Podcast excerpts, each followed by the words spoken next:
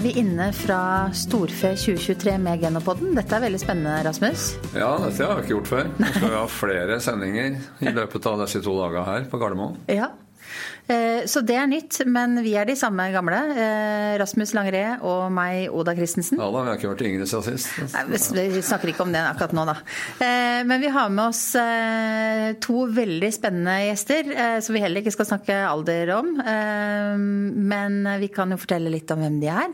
Vi har med oss Arne Bardalen, som er spesialrådgiver fra NIBIO. Det er riktig, ja. ja. Eh, og når jeg eh, kikka litt på, på, hva du har holdt på med, så skal, tror jeg ikke vi skal gå igjennom hele den CV-en. For den, det, er, det, er, et voldsomt eh, Det kan det skrives mye om. Men jeg leste bl.a. at du i, i, fjor nå hadde 70, ikke noe mindre enn 70 foredrag eh, om norsk matproduksjon og klima og miljø. Eh, det er jo imponerende. Ja, og det er jo inspirerende også, da, når man har jobba 45 år i norsk mat- og landbrukssektor, at det er så mange som vil høre hva jeg har eh, av kunnskap og erfaringer. Og det skal ikke stikkes under en stol heller at du har virkelig satt eh, norsk matproduksjon på kartet? Ja, og nå har vi fått eh, drahjelp til det. For det har jo skjedd ganske mange tragiske ting i verden. Og det har dessverre ført til at mange flere enn de som kjenner til landbruket, er blitt opptatt av matsikkerheten og spør hva betyr dette for oss. Mm. Det prøver vi å svare på. Ikke sant. Og eh, det prøver vi å svare på også i Geno. Og med oss har vi da styreleder i Geno, Vegard Smenes. Ja. Første gang i Genopodden, det var eh, spesielt. Ja da, men eh, jeg, jeg lytter eh, nesten hver gang. Så det, i ånden så er jeg nok med på mange, tenker jeg. Ja, det er veldig bra. Så skal vi kutte den nesten del fremover, tror jeg. Men du er jo mjølkeprodusent. Averøy? Ja, det stemmer. Jeg driver omtrent med 25 årskyr. Har båsfjøs. Har eh, for øvrig en sprek hårkall som eh, gjør det mulig å, å være styreleder. Eh, og farte, slik som her på Storfe 2023, som for øvrig gleder meg veldig til å delta i program og ute blant, blant deltakere og prate med interesserte folk som som ser etter muligheter i storfenæringa, rett og slett. Ja, og det bærekraftige norske matproduksjonen. Mm. Mm. Ja, eh, Arne, for Du skal ha en samtale med landbruksministeren helt i åpningen på denne storfekongressen. og Da er jo temaet hvordan gi storfebonden eh, tru på ei framtid når eh, det framstilles som kuas død er løsningen på klimakrisen. og og jeg tenkte, Du har ført denne klimadebatten og landbrukets forhold til den gjennom mange mange år. Har du sett noen utvikling i den når det gjelder holdningen til, til landbruket i denne debatten? Ja, det er et veldig viktig spørsmål. For jeg husker tilbake til 2013. Da kom det en stortingsmelding som hadde tittel 'Landbruket en del av løsningen på klimautfordringene'. Jeg tror at eh, man har på en måte tapt litt posisjoner. At man har mista litt eh, kontroll kan vi si, med, med samfunnsdebatten knytta til det her. Så man har gått ifra å ønske å synliggjøre at landbruket er en veldig viktig del av løsningen, til å komme i en defensiv posisjon hvor landbruket blir stempla nærmest som å være Noen kan oppfatte nesten som det er hovedproblemet på klimautfordringen. Og, og så gærent kan det altså gå. Mm. Ja, Er du enig i det, Vegard? At landbruket kommer litt på defensiven i denne debatten? Ja, eh, vi har det. Eh, og tenker kanskje har vi ikke vært gode nok til å fortelle eh, den, de fantastiske mulighetene vi faktisk sitter med i norsk landbruk. Eh, vi har eh, engasjerte bønder som faktisk vil noe for dyra, for jorda, for, eh, for brukeren. Eh, vi har eh, avlsmateriale som ligger i bunnen, som er i verdensklasse. Så vi har absolutt muligheten til å være jeg, for framtida. Men hva det er som har gjort for at vi på en måte er der vi er i dag kommunikasjonsmessig, det vet jeg ikke. Men det uh, kan være lett å tråkke på en som allerede ligger ned uh, i forhold til den store samfunnsdebatten. Det er et spørsmål som er stiller. Og I den store debatten så er jo klima veldig tett knyttet opp mot matsikkerhet. Og du, og du Arne, kan jo gi litt, eh, altså litt, litt, bakgrunn for den eh, situasjonen i dag når det gjelder, gjelder matsikkerhet? Ikke bare i Norge, men altså på, i verden? Ja, altså, matsikkerheten den har jo gått i feil retning. FNs bærekraftmål nummer to er å utrydde sult. For fem år siden så var vi på god vei i riktig retning. Men så har det skjedd mye som gjør at det er flere som er sultramma i dag. Og, og, hvis vi ser på hva som skjer med matproduksjonen i verden Klima er jo én ting. Det blir vanskeligere. Men jorda blir dårligere. Eh, det blir mer knapphet på vann. Det er spredning av husdyr- og plantesykdommer. Og det er forstyrrelser i den internasjonale handelen med mat. Så det er et veldig sammensatt risikobilde som gjør at eh, man må ikke se på matsikkerhet som bare et spørsmål knytta til klima, men man må få med seg helheten. Og da blir bildet ganske skremmende, hvis man går inn i det. Og det er jo det bildet vi må forstå her i Norge. Vi sier ikke det for å skremme folk, men vi sier det fordi at vi må vite hva er det beste vi kan gjøre for å forberede på en mer krevende situasjon når det gjelder tilgang på mat også i Norge. Hva er det beste vi kan gjøre da? Ja, Det er veldig enkelt svar, og det har jeg med i alle foredragene jeg holder. Hva er det viktigste i forhold til å ta vare på norsk matsikkerhet? Det er å ta vare på arealene, og det er å ta vare på bøndene. Uten jord blir det ikke produsert mat, men vi trenger også som bønder til å drive jorda. Da er vi et godt stykke på vei i forhold til å gjøre de riktige valgene i forhold til norsk matsikkerhet. Ja, så Vegard, Dette åpner muligheter for landbruk og norsk matproduksjon? Jeg vil si at Det er et utrolig godt svar. Eh, det er dette som er en del av løsninga. Eh, og hvis vi, eh, fagmiljø og landbruk, klarer å forene krefter og få med oss politikerne til å faktisk skjønne det behovet for bønder, for jord, eh, for en, en, et levende landbruk som eh, har kontinuitet, eh, så er det den beste bærekraft. Så tenker jeg òg at ja, her ligger det muligheter. Vi må produsere mer norsk vare på mer norske ressurser. Får vi til å belyse det i et bærekraftsperspektiv, så tror jeg vi når lenger. Både til politikere, men òg til, til norske forbrukeren.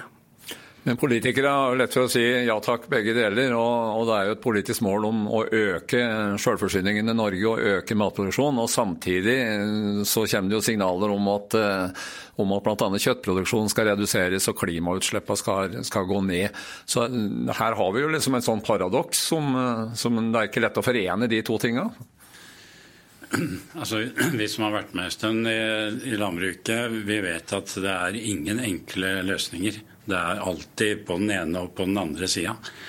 Og det, det, er også slik når vi snakker om bærekraft. Eh, mange diskusjoner så kan det høres ut som bærekraft er det samme som lave utslipp av klimagasser fra drøvtyggerne. Det er jo en gedigen misforståelse av hva bærekraft innebærer. Jeg pleier å si at bærekraft det er å alltid inkludere helheten.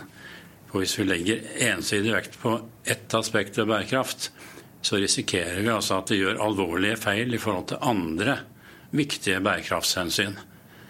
Og bærekraft er jo også å opprettholde bærekraftige lokalsamfunn. Og hvis vi undergraver den stedegne produksjonen basert på lokale ressurser, der er jo drøvtyggerne. Hvis vi undergraver det, så undergraver vi også det som er grunnlaget for det bærekraftige lokalsamfunnet. Med livskvalitet, med lokal produksjon og hvor man faktisk lever av noe av det som man har på hjemstedet sitt. Ja, for her er det liksom en utfordring også, som der landbruket bør bidra, Vegard. Liksom, for vi har jo hatt en veldig snever eh, diskusjon om bærekraft, der du har fått inntrykk av, som Arne sier, at det, det dreier seg bare om klima og metanutslipp, nærmest.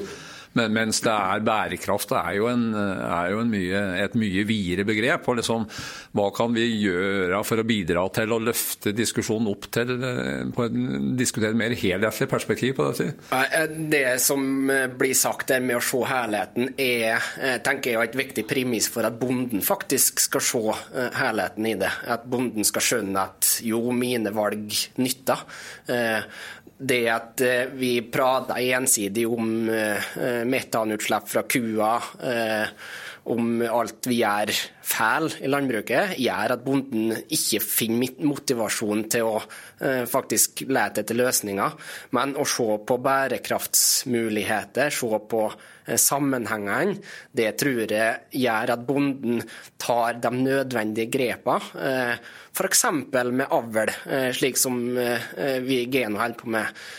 Hvis bonden utnytter mulighetene som ligger der, med GS-testing, med bruk av avlsplan, med eh, bruk av kjønnsseparert teknologi, så når vi mye, mye lenger på dyresida òg i den helheten.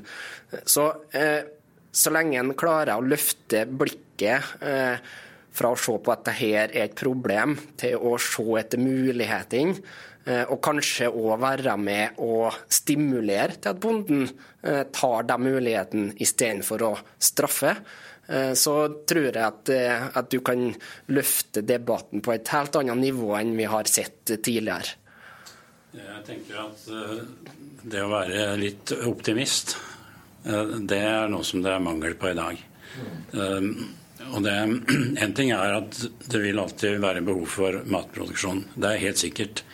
Det blir flere mennesker som skal ha mer mat. Ikke bare i verden, men også i Norge blir vi flere. Og så må vi produsere den maten på en måte som gjør at vi er trygge på at maten er der hver eneste dag. Flere ganger om dagen til og med. Jeg spiser i hvert fall opptil tre ganger om dagen. Eh, så jeg liker å føle meg trygg på at maten er der. Og den skal produseres på best mulig måte. Og da er det som du snakker om her, noe som vi tror det er viktig å få ut ja, Gjøre kjent i samfunnet, rett og slett. Altså hvor avansert er norsk jordbruk er. Det er så kunnskapsbasert.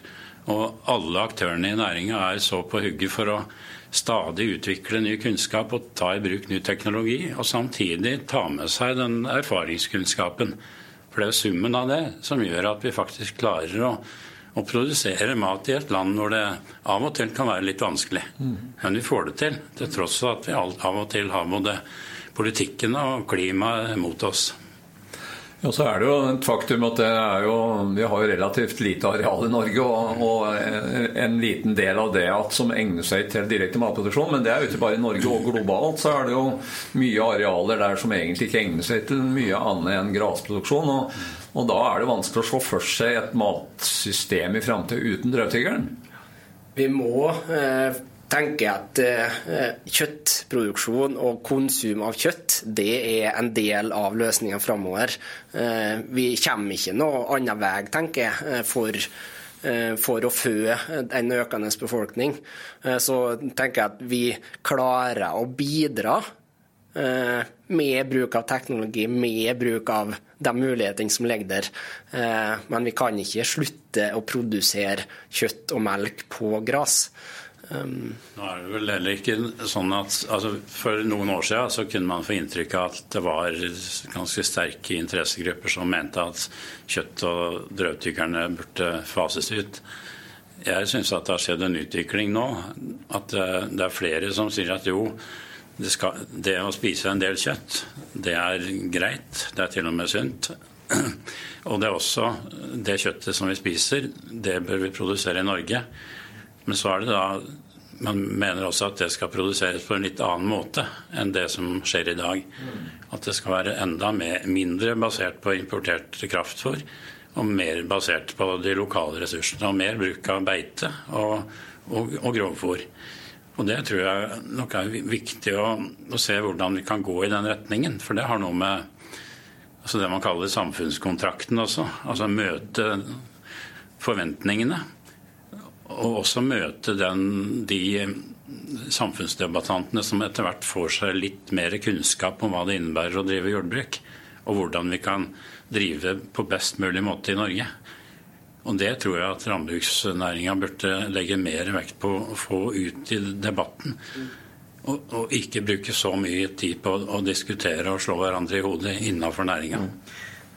tror jeg du ja. ja. veldig rett i. Eh, men hvor, altså, for det er jo veldig mye informasjon der ute. Og jeg ser jo at, eh, at eh, forbrukere, som vi alle fire også er rundt bordet her, vi, vi, vi syns det er veldig enkelt å ta tak i en eller annen enkel løsning for meg. Vi så det med palmeolje. Det var litt sånn, ok, det var håndfast, man kunne bare kutte det ut. Man kunne se det på pakka, og så kunne man la være å kjøpe det. Man kunne legge et press på, på dagligvarehandelen.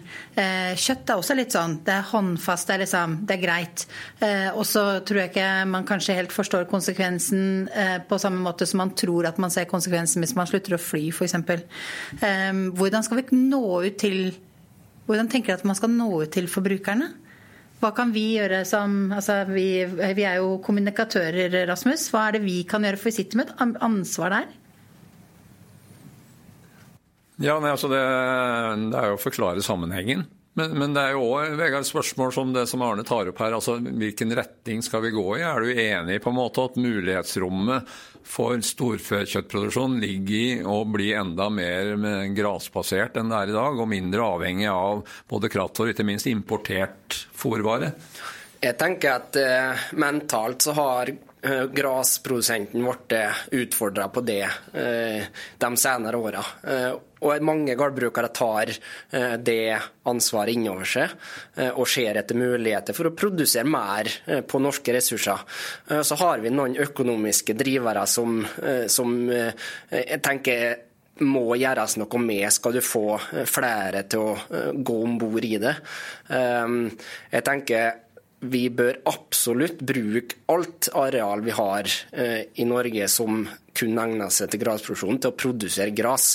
Eh, så må vi heller komplettere med, eh, med kraftfôr der vi ikke eh, der vi trenger mer behov enn det. Men ei dreining, slik som Arne er inne på, det tror jeg er viktig, og tror egentlig næringa er moden for det. Men som jeg er også inne på her, hvordan skal vi få til det uten at vi går i klinsj med hverandre. Eh, kraftfôrnæringa, grovfòrnæringa. Eh, det er på en måte et stort spørsmål. Så tenker jeg at vi må ta debatten. Hvordan skal vi fø den norske befolkninga? Hvordan skal vi som den har inne på, levere på samfunnsoppdraget som handler mer om mer enn kjøttdeigpakken. Det handler om hva den kjøttdeigpakken faktisk har bidratt med på vei inn til butikken, med et åpent landskap, med bruk av norske ressurser, med verdiskapning av arbeidsplasser.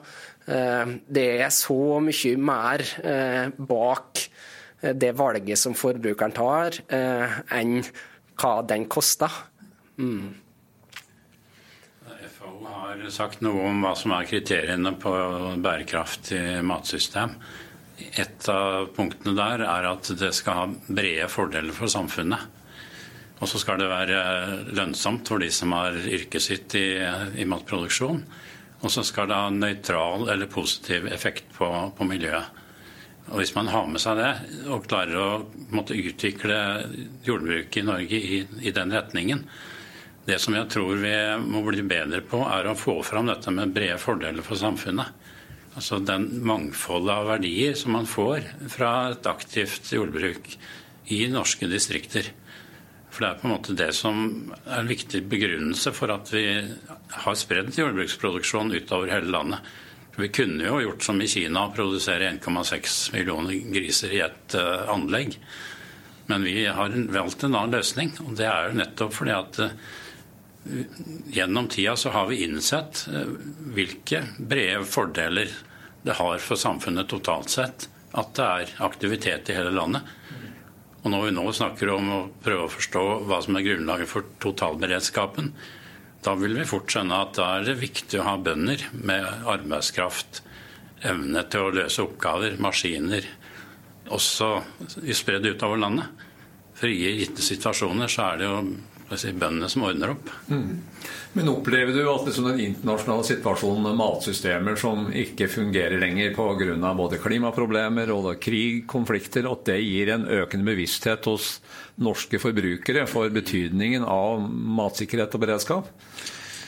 Jeg tror at det som har skjedd med pandemien og krig og en del klima, ekstreme klimahendelser, har gjort at flere stiller spørsmål hva betyr det for oss. Og, det er jo en undersøkelse så vidt jeg har skjønt, som, som sier at det er større oppslutning nå om norsk matproduksjon, norsk jordbruk, enn det har vært tidligere.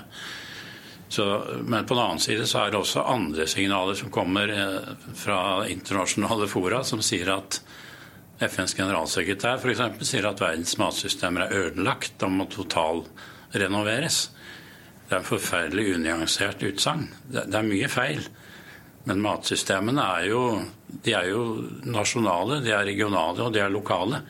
Så når man skal se om det er ødelagt eller ikke, så må man se på der matproduksjonen faktisk foregår. Og da kommer vi ganske godt ut i Norge. Mm. Ja, Vegard, opplever du blant eh, folk du treffer på en måte noe økende forståelse for betydningen av vår norske matproduksjon? Når jeg spør det spørsmålet, så er jo svaret ja. Men eh, jeg tror nok mange av dem eh, ikke kjøper storfekjøtt i butikken pga. at de finner billigere alternativ. Og de har med seg verdien bak i pannebrasken, men eh, glemmer litt av det når valget skal gjøres i butikk. Eh, så jeg tenker at skal samfunnet komme noen vei eh, med å tenke på matsikkerhet, beredskap, så må en òg legge til rette for at forbrukeren kan lettere ta et et valg i butikk uten å være eh, tvinga til å se på prisdifferanser, f.eks., som vi ser nå eh, på forskjellige eh, produkt. Mm. Ja, Oda, vi må vel begynne. Altså, Tida går fort. Vi kunne Tida går fort. Dette var veldig interessant. Vi kunne ha en spennende diskusjon ja. som ikke blir ferdig her. Nei. Men jeg tenker før vi avrunder, da, nå er det jo snakk om eh, som er tema for innledningen, er jo å skape optimisme og storfebånd. Så jeg tenkte vi skal få en veldig kort sluttkommentar. Hva, hva skal til for å gi kubonden en større tru på framtida? Ja, Det er det politikerne som må sørge for å gi signaler om hvilke rammebetingelser som skal være for norsk jordbruk framover. Og de må si noe om hvordan vi skal på bygge på egne norske ressurser for å gjøre den norske matproduksjonen mer robust og mindre utsatt for det vi ikke kan kontrollere, det som skjer utenfor landets grenser. For hvis vi har en tydelig politisk kurs, vi skal produsere, ivareta matsikkerheten på norske ressurser, så legger det veldig mange premisser. Og det kan gi en større forutsigbarhet for at det er, det er liv laga å investere i å bygge for å produsere mat også i 2050 i norsk jordbruk, basert på drøvtyggerne. Mm. Det samme spørsmål til deg, Vegard. Eh, jeg får snu det litt i forhold til, til ungdommen da, og, og, bonden. Eh, jeg tenker Hvis bonden klarer å se de fantastiske mulighetene eh, vi har som gårdbrukere for å være med og bidra, for å være med og skape engasjement rundt verdens viktigste yrke, som faktisk er å produsere mat. Eh, for å være med å se på muligheter eh, innen avl, innen teknologi, eh, innen bygg og innen maskineri på gården for å gjøre, gjøre den jobben. Se de mulighetene, så tror jeg at, at vi kan nå langt. Ja, jeg hører jo at vi, vi, har mye vi skal prate om eh, framover også. Eh, vi må si tusen, tusen takk til både Arne Bardalen og Vegard Smenes. Jeg vet at dere har eh, noen spennende dager eh, her på Storfe 2023. Det blir spennende å høre, høre praten din med statsråden etterpå òg. Ehm, vi eh, fortsetter her på Storfe 2023. Denne pod-episoden hører du selvfølgelig der hvor du hører eh, Genopodden. Ellers finner den på geno.no, og også der hvor du hører podkast eh, på andre flater. Vi gleder oss til resten, vi nå. Det gjør vi. Ja. Takk for oss. Ja, takk for nå. Ha det godt.